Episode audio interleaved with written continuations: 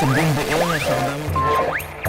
אנו מכריזים בזאת כל ישראל מירושלים, שבת שלום, בשעה תשע בערב, שבכלל שם הסיפור... היא מדינת ישראל. Israël in Nederland. Dit is de podcast van de ambassade van Israël waarin wij wekelijks een aflevering uploaden op ons Soundcloud-kanaal. In de podcast is er aandacht voor het grote verhaal van Israël, maar ook oog voor detail. Gesprekken met diplomaten en gewone burgers, Joodse feesten, innovatie en toerisme. Iedere week dus de stem van Israël in Nederland. Ja, na een lange radiostilte van onze kant, van harte welkom bij deze nieuwe aflevering van Israël in Nederland. Dit kanaal is de plek waar u verhalen en informatie over Israël beluistert. Over de Joodse wereld en de relaties tussen Nederland en de Joodse staat. Mijn naam is André Diepenbroek en ik ben uw gastheer. Het is alweer een hele poos geleden dat u iets van ons hoorde en dat spijt ons. Het is eenvoudig te druk geweest om goed tijd te kunnen steken in het maken van podcastafleveringen. We hebben wel dingen op kunnen nemen, dus de komende tijd halen we de schade in. Sport is het thema deze keer. Het is zomers warm, de vakantie is al begonnen of komt er heel snel aan. En vanaf mijn jonge jaren is dit de tijd van de overbekende NOS-tunes op de radio van Radio Tour de France. Nou, wij hebben in Israël ook een zomers sportevenement.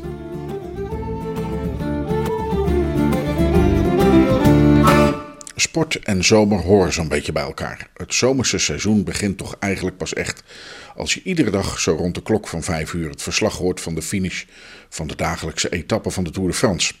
Als je dat hoort, weet je dat de zomer echt is begonnen. Behalve de Tour is er natuurlijk nog het interlandvoetbal en de Olympische Spelen. Maar er is nog een groot internationaal sportevenement.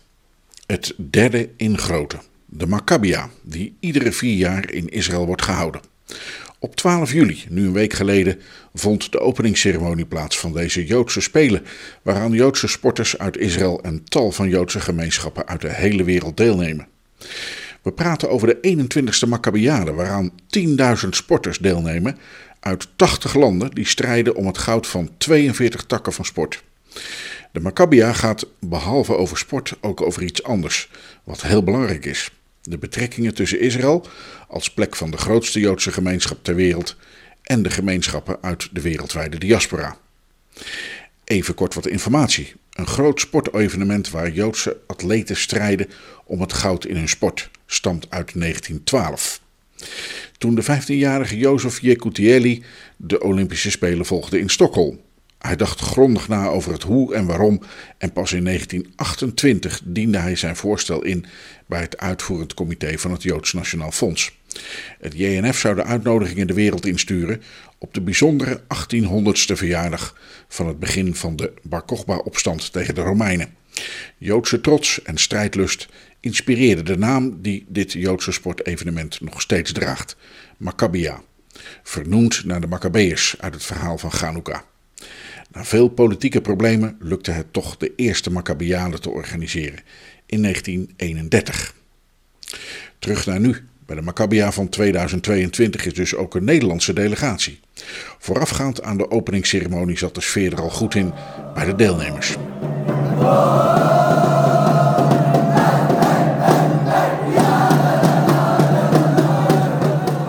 Op de tribune waar het oranje vak met die kleur meteen opviel.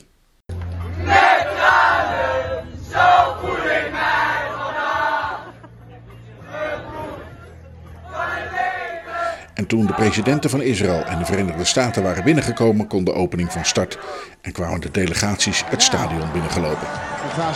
So let's give it up for the delegation from the Netherlands. Here they come. Holland's in the house, ladies and gentlemen.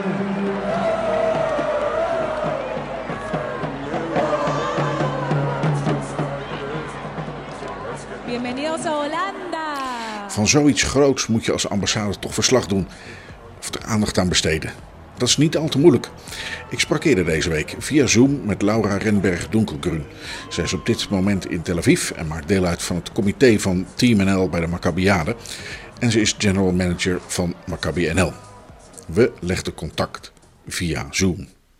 Laura, ehm, je bent op dit moment, als ik het goed heb begrepen, in Ramat Gan. Daar eh, eh, is in ieder geval, dat is een van de locaties waar eh, de Maccabiade plaatsvindt.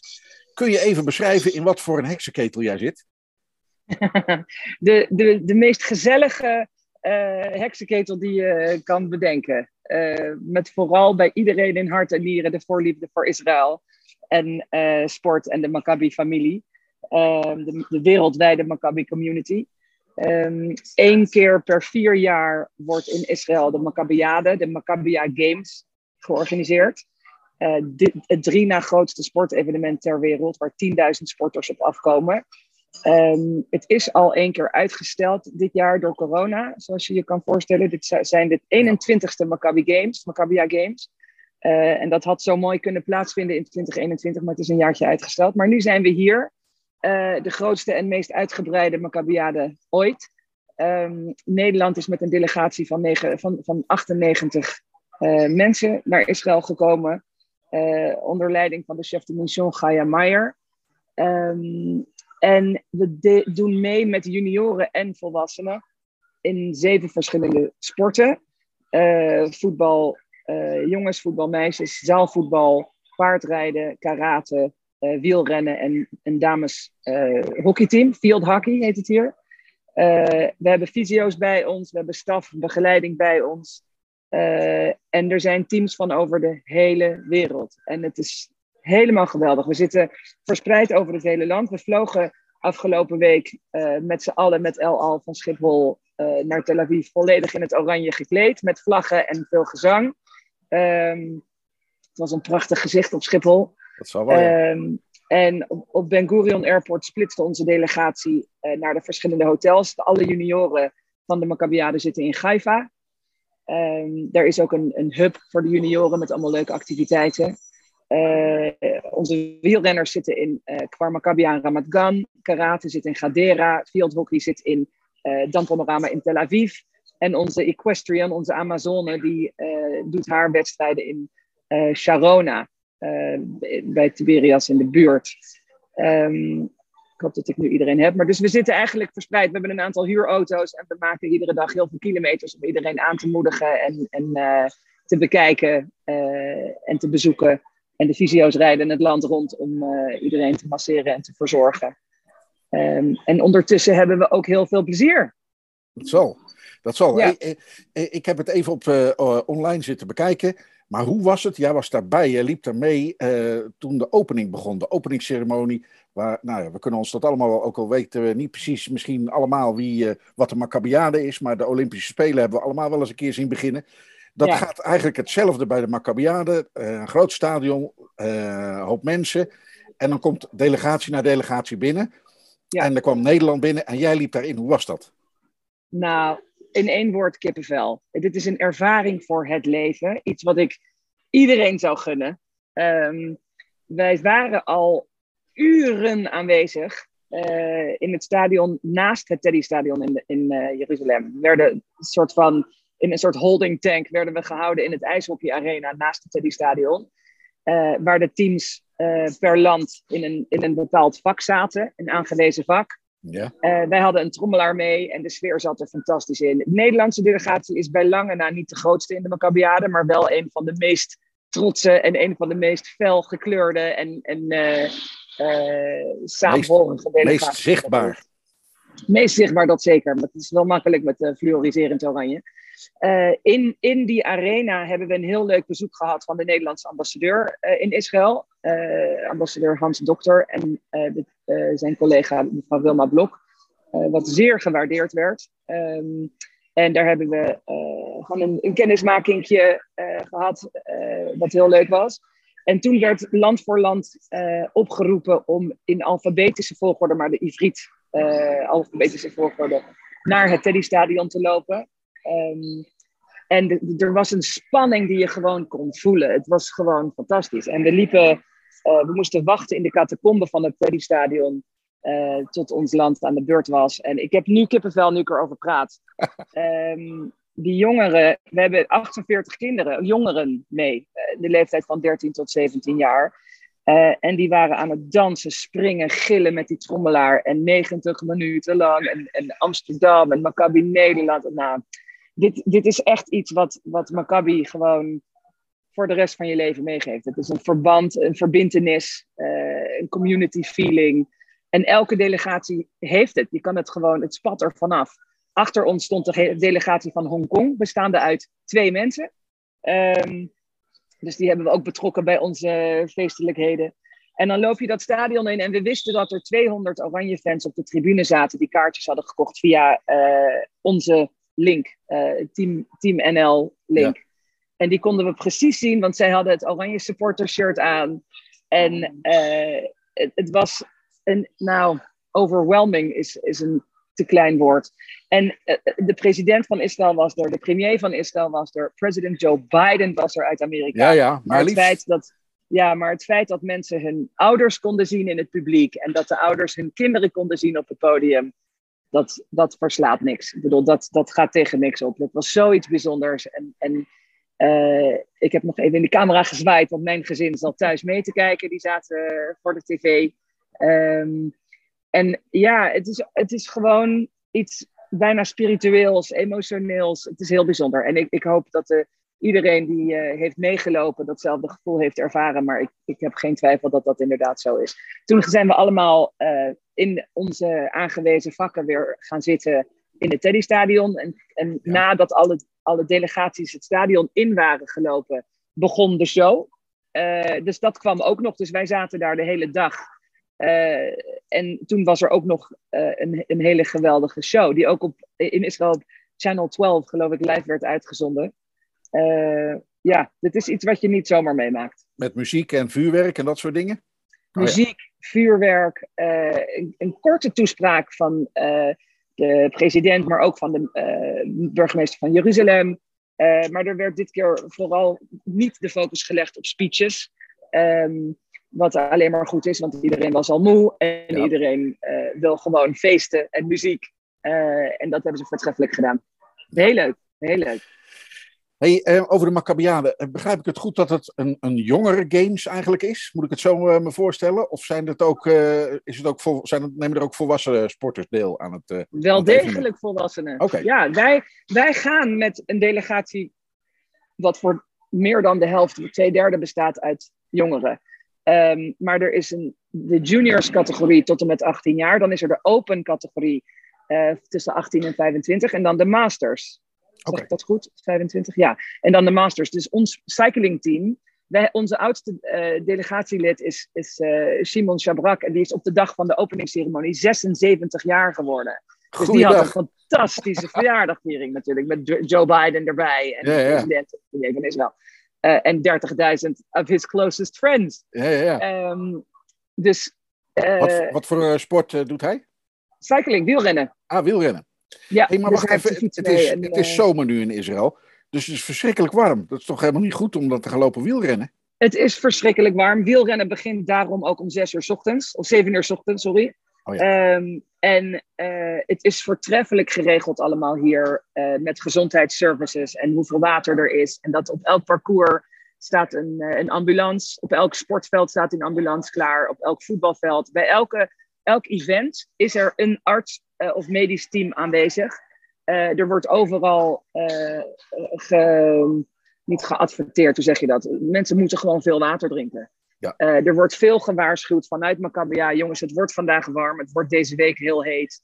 Let op, let op, let op. Dus er wordt goed voor gezorgd. Wij, wij Nederlanders zijn dat helemaal niet gewend in de, in de hitte.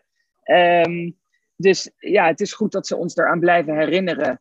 Ehm, maar ja, je hebt gewoon geen idee hoe, hoe snel je kan uitdrogen, hoe snel eh, je je een beetje draaierig kan voelen. Dus er wordt goed op ons gelet. Maar ja, je moet, je moet op jezelf letten natuurlijk. Ja, ja, ja. Hey, ehm, eh, ja, het is natuurlijk maar even een momentopname, maar wat, wat was er gisteren en wat is er vandaag? Waar Nederland Nou, aan deelneemt. Ja, nou gisteren eh, was er fietsen in de velodrome. Ja. Onze fietser Ed Hasselman heeft gestreden in de velodrome. Ehm, en eh, we hadden een hockeywedstrijd. We hadden, eh, de jongeren waren ook aan het voetballen. Er was van alles. Ehm, en vandaag eh, hebben de onder 16 jongens voetbal hun laatste poolwedstrijd tegen Panama. Ehm, En om vier uur spelen de voetbaldames, voetbalmeisjes onder de 16 tegen Argentinië. En vandaag komt ook onze Amazone, onze, ik mag niet meer paardrijdster zeggen. Oh. Dat is mijn eh, un, uneducated eh, in de wereld van paardrijdsport. Eh, de Amazone komt vandaag in actie eh, om half acht. Ehm, en eh, vandaag is er ook een, een eh, jongeren, een party, een feest voor de jongeren in, in Haifa, in de jongeren hub. Dus ze, het heet de Israel Party. Dus ze, willen zoveel mogelijk ook leuke dingen doen voor de jeugd. Eh, ze hebben een leuke DJ, een Israëlische DJ, Israëlisch eten, ehm, Israëlische sfeer. Eh, dus die jongeren die, eh, die worden goed verzorgd en verwend. Ja. Ehm, en want wat ze, waar ze veel op focussen bij de Maccabiade is niet alleen maar sport, sport, sport. Ze hebben een heel activiteitenprogramma. Waar als je een dag geen wedstrijd hebt en geen training, verzorgen zij reizen naar heel Israël. Je kan op een kameel gaan rijden, je kan eh, Masada beklimmen, je kan een food tour doen op de Sukkah Carmel in Tel Aviv. Je kan zo gek niet bedenken. Er, er is een heel programma, het heet Extra Fun, Maccabia Extra Fun. Ehm, en ze regelen vervoer, ze regelen beveiliging, ze regelen, e- regelen eten, ze regelen, al- regelen alles. En dus er is een hele sterke focus op, die, die, eh, op Israël. En, en niet alleen, je bent hier hotel, sport, training, sport, weg. Nee, ze Nee, willen precies. ook dat er een, eh, een, een eh, Israel experience is. En die maken zij 100%, ze- eh, 100% aanwezig en, en eh, mogelijk. Is dat belangrijk? Jij zei net ook eh, al eerder van, ja, de- het is, de, de liefde voor Israël spat er vanaf. Is dat wat zit er precies achter bij de Maccabiade? Wat, wat is de gedachte achter, nou laat ik het maar even zeggen, maar de Joodse Games, om het maar even zo te noemen? Nou, verbroeder, ver- verbroederlijkheid, is dat een woord? Verbinding, community, Ja. Verbroedering, dankjewel. Dat, dat was het woord. Verbroedering. Ehm, ja, ik bedoel, eh, het is wel, je strijdt om het goud, maar je strijdt voornamelijk om vriendschappen maken voor het leven. En, en eh, dat communitygevoel, de Maccabi-familie. Ik bedoel, we zagen het al tijdens eh, de Maccabi Europe-Ukraine Taskforce Fund, waar we het, taskforce waar we het over gehad hebben dat die Maccabi-familie wereldwijd gewoon ijzersterk is. En, en dat is iets wat, wat voor de games ook super belangrijk is. Dat je hier, in feite voelt het alsof je, het klinkt zo afgezaagd, maar het voelt alsof je met familie bent. Je hebt allemaal dat gemeen, dat, dat je hier met Maccabi bent. Ja, Ja. geweldig. Hey, ehm, ehm, de- eh, wat er ook wel, eh, er wordt over de Maccabiade ook geschreven. Een van de dingen die ik las, die, eh, was dat het in Israël niet zo leeft. Merk jij daar iets van? Dat het, dat het meer iets is van de, laat ik zeggen, van de Joodse gemeenschappen wereldwijd, maar in Israël niet zoveel belangstelling trekt. Nou, ehm, ik, ik heb twee reacties daarop. Aan de ene kant kan ik dat niet zo goed beantwoorden, want ik woon hier niet.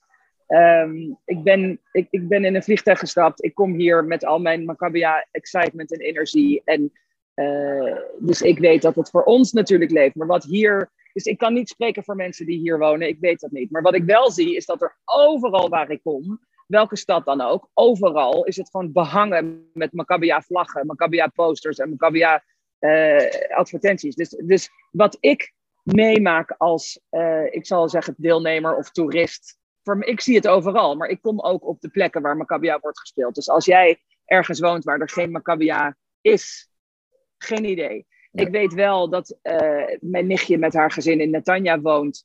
Ehm, en zij hebben kaartjes gekocht voor Polek Beach. En dat is de Maccabia Beach.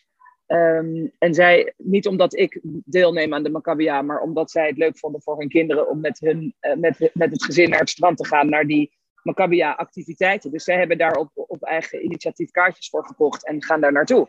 Dus of het leeft, ik denk het wel. Ik weet niet in hoeverre, in wat, in wat formaten, maar ik denk het wel. En ook bij de, de start van de ceremonie een vol stadion. Jazeker, er waren 30.000 mensen aanwezig, werd Nou, er omgeroepen. Dat, dat zegt toch iets? En 10.000 daarvan, de sporters, ik neem aan dat het een totaal aantal was wat ze noemden. Eh, dus ja, we waren met 10.000 sporters en, en eh 20.000 eh, toeschouwers. Ehm,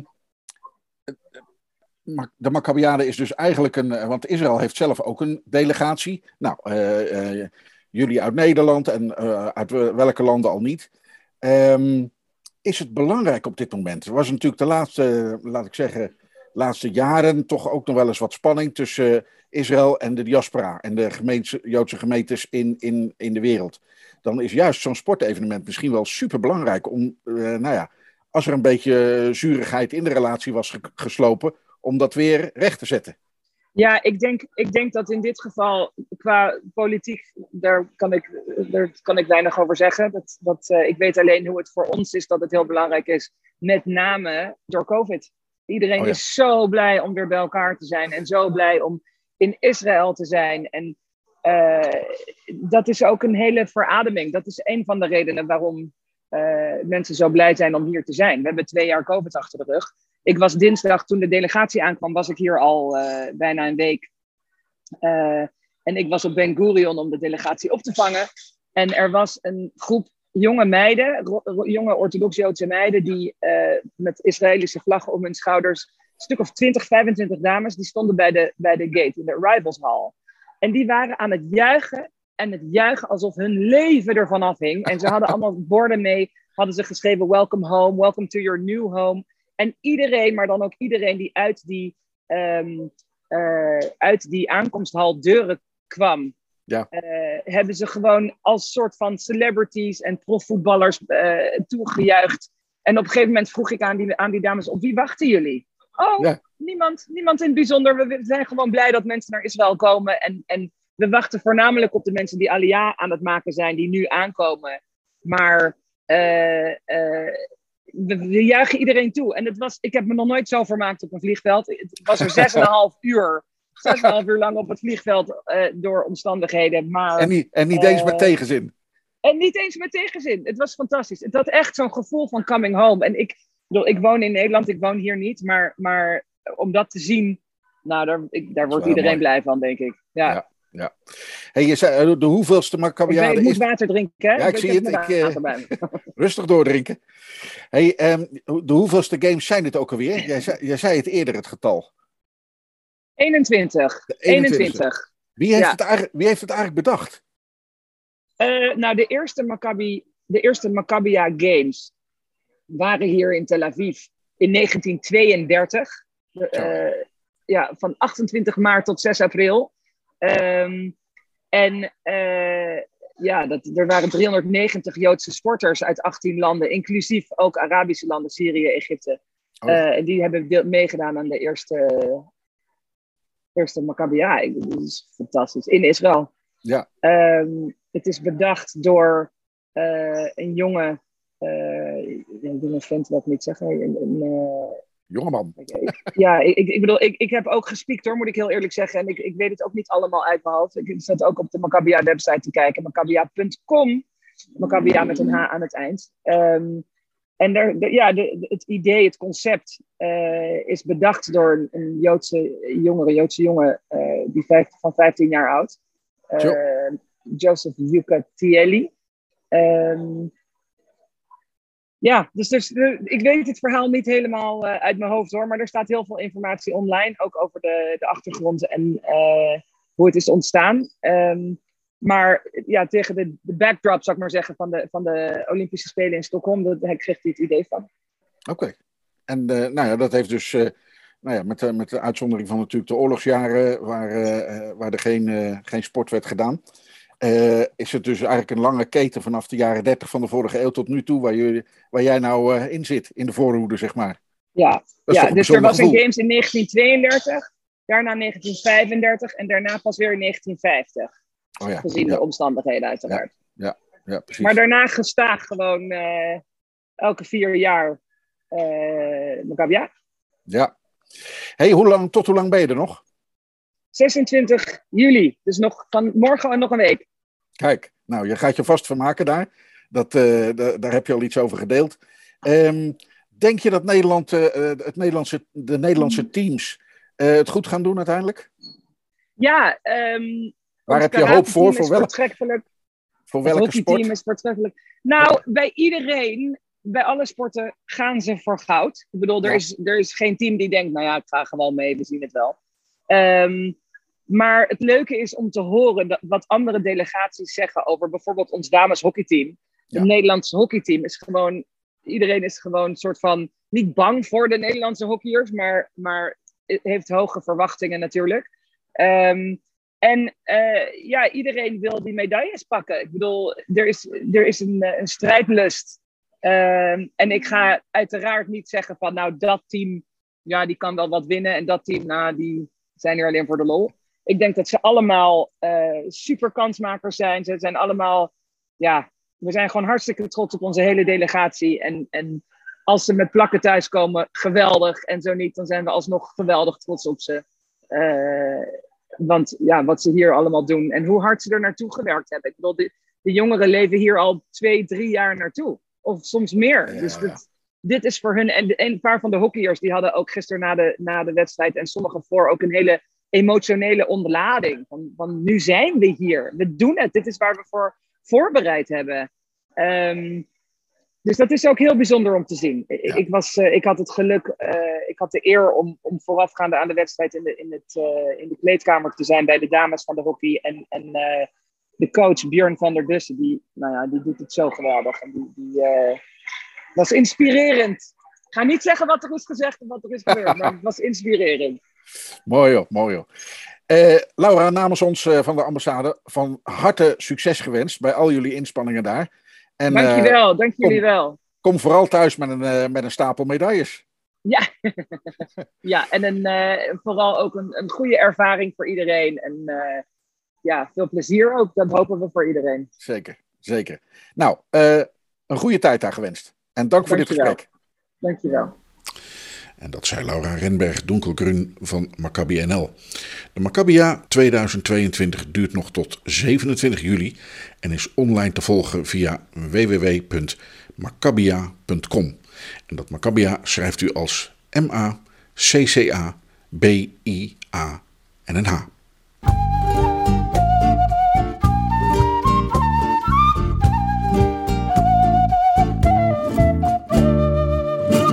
Meer sport. Eerder dit jaar werd de Dead Sea Run weer georganiseerd. Nadat de editie van 2021 niet doorging wegens corona.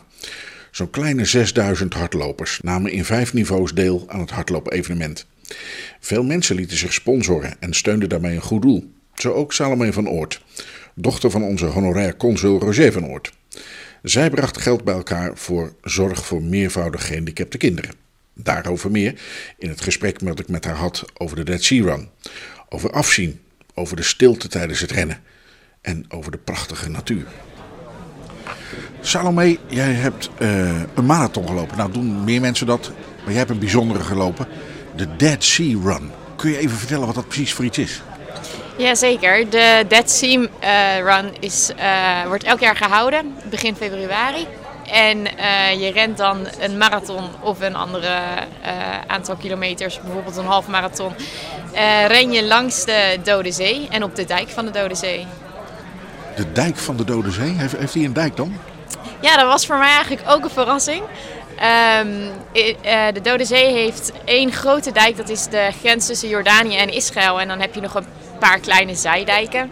En die zijn normaal niet open voor, eh, voor sporters of voor eh, publiek. Maar één keer per jaar worden die geopend. En dan mag je erop rennen om de marathon te rennen.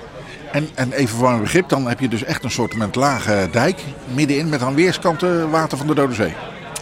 Ja, dat klopt. Ja, je loopt eigenlijk op een, eh, ik denk dat het drie meter breed is. En eh, aan alle tweede kanten zie je de blauwe Dode Zee met, eh, met allemaal zout erin. Dus acht zoutkristallen. Het is een prachtig beeld eigenlijk. Het moet toch prachtig zijn als je dat, dat, want daar kom je natuurlijk nooit. Normaal sta je aan de oever van de Dode Zee en dan kijk je rond en dan nou, zie je de zee voor je liggen. Maar jij loopt er dan helemaal midden tussenin. Dan, hè, dan heel die kom waar, want het is het laagste punt op aarde.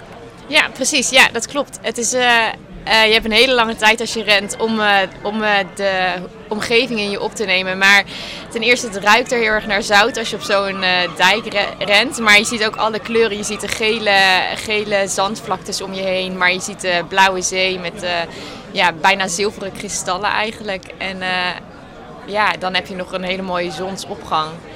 En dat maakt eigenlijk het plaatje af. Ja, het is echt prachtig. Het is echt mooi. Maar dan kan ik me voorstellen, je bent natuurlijk aan het rennen. Je moet een bepaalde, ja, je hebt toch een soort deadline, een soort eh, tijdschema wat je moet aanhouden. Maar wat jij zegt, de zonsopgang en alles. Had je niet de neiging om even te stoppen, om even te kijken? Nou, nee, ik had niet de neiging om te stoppen, want ik wilde heel graag een goede tijd neerzetten. Maar ehm, je, hebt, je hebt zo 3,5 uur om, om de omgeving in je op te nemen. En omdat het zo vlak is bij de, echt in de Dode Zee, kan je ook ver kijken. Dus je, terwijl je rent, je zie je gewoon constant een, eh, een super mooi uitzicht. Maar dus even, je, je, je begint dan eigenlijk voor zonsopgang begin je te, te lopen eigenlijk, zeg maar. Ja. En, en hoe, lang, hoe lang doe je er dan over? Ehm, nou, het begon om 6 uur s ochtends en ik was om half tien was ik over de finish. Dus ik heb er 3 uur en 32 minuten over gedaan. Ja, nou, je zit tegenover iemand die eh, nooit in zijn leven heeft hardgelopen. Dus ik vind respect prachtig. Maar eh, die zonsopgang, kun je dat nog een klein beetje beschrijven voor ons? Hoe, wat, wat zie je dan? Ja, zeker. Ehm, nou, je begon eigenlijk bij het startpunt. Het was nog helemaal donker. En dan heb je een beetje allemaal zenuwachtige mensen om je heen. Inclusief mijzelf natuurlijk. En dan als je het startsignaal hoor- hoort, dan wordt het eigenlijk al langzaam licht. En dan loop je eh, op een van de zijdijken, loop je echt de Dode Zee in, zeg maar. En dan wordt het langzaam wat lichter totdat, eh, totdat de lucht net zo blauw is als de zee. En dat is eigenlijk een heel, eh, heel bijzonder beeld. Het was bij mij was het een beetje aan de bewolkte kant, maar het was alsnog ehm ja, weerspiegelt dan ook de lucht in de, in de, in de Dode Zee. Dus ja, het is echt sprookjesachtig. Een beetje, ik vind het een beetje, vond het een beetje gelijk, op als je een computerscherm open doet en je ziet zo'n plaatje waarvan je denkt, ah, dat kan niet echt zijn. Zo ziet het eruit, zeg maar. Dus eh, ja, dat was echt, was echt heel mooi. Eh, is het dan stil? Want ik herinner me ook wel eens, eh, ik ben ook wel eens bij de Dode Zee geweest. En nou ja, je hebt natuurlijk hotels met een heleboel drukke mensen enzovoorts. Maar het kan ook heel erg stil zijn. Maar hoe is dat als je rent eigenlijk daar? Hoor je dan allemaal eh, nog ge- gepraat om je heen of is eigenlijk iedereen stil? Ehm, nou ja, bij het begin eigenlijk was, was er veel geroezemoes en veel gepraat. Er was natuurlijk ook een presentator die, die het helemaal inleidde. Maar dan na 10 kilometer dan loop je op een dijk en er lopen wat mensen om je heen. Maar er is ook geen publiek, want dat mag daar niet komen. Dus ja, dan loop je echt een soort van in de stilte. En had je soms een, e- een eenzame hardloper die dan wel muziek op had, bijvoorbeeld zelf. Maar ja, ik ben er helemaal niet van. Ik vind het juist heerlijk om in de stilte te lopen. En dan, ja, dat is zo uitgestrekt die dijk, dat je ja, echt wel een soort bijzondere stilte hebt. Ja, ja. Je hoort alleen je eigen ademhaling en je voeten rennen. Ja, ja, eigenlijk wel. Ja. Ja, soms een steentje onder je voeten wegkertsen. En dan ben je aan het rennen. En dan ben je verpleegkundige uit Amsterdam. Want dat doe je, je werkt bij de VU. En dan ga je de Dead Sea Run doen en dan word je gewoon tweede. Ja. ja, ik had verwacht dat de anderen sneller waren. maar dat was niet. Dus eh, ja. Nou ja, dat is eigenlijk de aanleiding geworden waarom we hier eh, eh, op het plein in Den Haag bij elkaar aan een tafeltje zitten. Want jouw vader was geweldig trots, die is net nieuw eh honorair consul bij ons geworden. eh, Roger van Oort. En ja, hij was bij ons en hij zei, ja, heb je, heb je mijn dochter gezien? Dus ik zei, dochter, ja, maar, laat kijken. Dus zodoende kwam het hele verhaal eruit. Maar ja, dan... hoe, hoe, hoe was dat om dan tweede te worden? Dat lijkt me dan toch wel dat je denkt, dat geloof je toch eigenlijk niet? Ja, het, dat was inderdaad echt ongelooflijk. Ehm, ik moet zeggen, ik heb vanuit huis best wel een winnersmentaliteit meegekregen. Ik heb aardig wat broers die altijd graag wilden winnen. En eh, ik wilde hen altijd graag verslaan. Dus eh, als je dan tweede wordt van de vrouwen op een marathon, dan ja, ik geloof het bijna nog steeds niet. Dat is gewoon echt ja, een heel bijzonder gevoel. En het motiveert me ook om meer marathons te rennen. Dat vindt mijn moeder niet zo leuk, maar En de broers hadden die nog wat te zeggen toen je daarmee aankwam? nou, volgens mij vonden ze het heel leuk voor me. Leuk. Hé, hey, maar eh, eh, nou, ik zei het al, je bent eh, verpleegkundige in Amsterdam bij, bij de VU. Wat voor werk doe je daar? Ja, ik werk als verpleegkundige op een ehm, chirurgische oncologische afdeling. Dus ehm, eigenlijk de patiënten die daar komen die kanker hebben in hun maag of darm of lever, die, eh, die komen bij mij op de afdeling nadat ze een vaak grote operatie hebben gehad. En dan eh, mag ik hun bijstaan op de weg die zij gaan. Hartstikke zwaar werk eigenlijk. Ja, ja dat is eh, soms moeilijk om te zien. Soms hele jonge, fitte mensen waarmee je goed kan levelen, die dan toch zo ziek zijn. Dat is wel, wel zwaar. Ehm, ja, dus dan is rennen naast mijn werk ook een goede afleiding. Ja, want dat was natuurlijk, je voelde de vraag al aankomen denk ik. Maar Is dan rennen een soort manier ook om ermee om te gaan, om het, om het van je af te zetten? Ja, ja, zeker. Wat ik eh, heel erg in rennen ervaar is dat als ik ren, ja, ik ren dan natuurlijk wat langere afstanden. Dus ik ren zo na mijn werk nog een uurtje langs de Amstel. Maar dan kan gewoon in de rust en stilte kan ik nadenken over wat ik heb meegemaakt of heb gezien bij patiënten eh, op werk. Maar ehm, ja, en dat helpt mij echt om, eh, om tot rust te komen en om eh, gewoon de dag op een rijtje te zetten. Dus het is echt, naast van dat ik ontzettend veel van rennen en bewegen hou, is dit voor mij ook echt een manier om, eh, om na te denken en tot rust te komen. Beetje therapeutisch bijna. Ja, dat kun je wel zo zeggen eigenlijk. Ja, ja, ja. Ehm, en nou ja, marathons hebben we hier in Nederland ook zat. En in Europa hebben we er zat. Wat beweeg je dan naar, naar Israël te gaan een Dead Sea Run te gaan doen? Nou heeft natuurlijk je vader, nou ja, die is honorair consul bij. Dus er, zal wel een link, er is natuurlijk een link met Israël. Maar waarom heb je er zelf voor gekozen? Ja, dat is eigenlijk een grappig verhaal. Want toen ik ehm 17 was, toen eh, zei ik tegen mijn vader... Ik ga een keer een marathon rennen. Niet wetend dat ik dat ooit ging doen, maar ik dacht dat lijkt me gewoon wel leuk. En toen zei hij, nou als je dan een marathon gaat rennen, die gelooft het zelf ook niet echt, dan betaal ik je ticket naar Israël. Dan heb je in ieder geval nog een mooie omgeving waar je het kan rennen.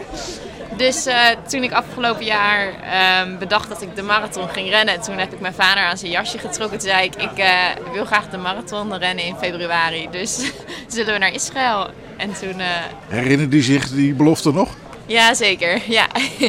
ja, die herinnerde hij zich.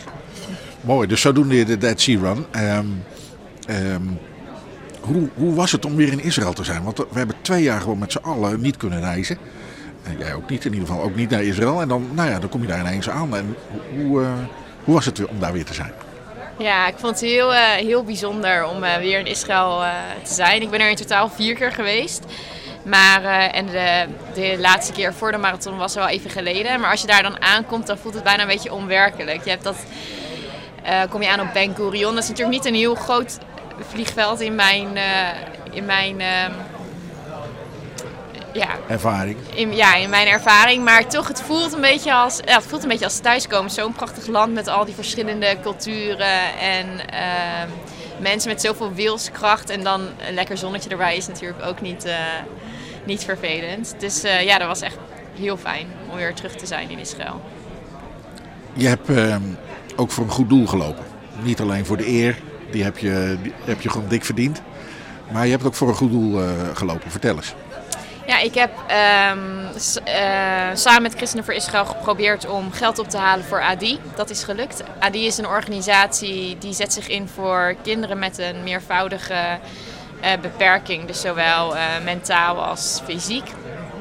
En die kinderen die komen uit Israël zelf, maar ook uit omringende landen. En ik ben daar voorheen al een keer geweest. En de mensen die daar werken, die geven zo hart voor deze kinderen. Ze eh, willen echt proberen zoveel mogelijk te leren aan eh, nou ja, kinderen die zo beperkt zijn in onze samenleving. En nou ja, mijn verpleegkundig hart, daar, dat smelt daar een beetje van. Dus eh, toen hebben we daar geld, geld voor opgehaald. En hoeveel geld heb je dan opgehaald? 22.683 euro. Dat is een mond vol, zeg maar. Ehm, en waar ging het heen? Het ging naar ADI. Dat is een organisatie voor eh, mensen met, of kinderen met een eh, verstandelijke en fysieke handicap. We hebben ehm, geld kunnen ophalen voor eh, walkers. Dat zijn, zijn ehm, apparaten waar kinderen mee kunnen, kunnen lopen. En ehm, ook zonder voeding eh, apparaten. Daar hebben we zodat de kinderen ook voeding binnen kunnen krijgen.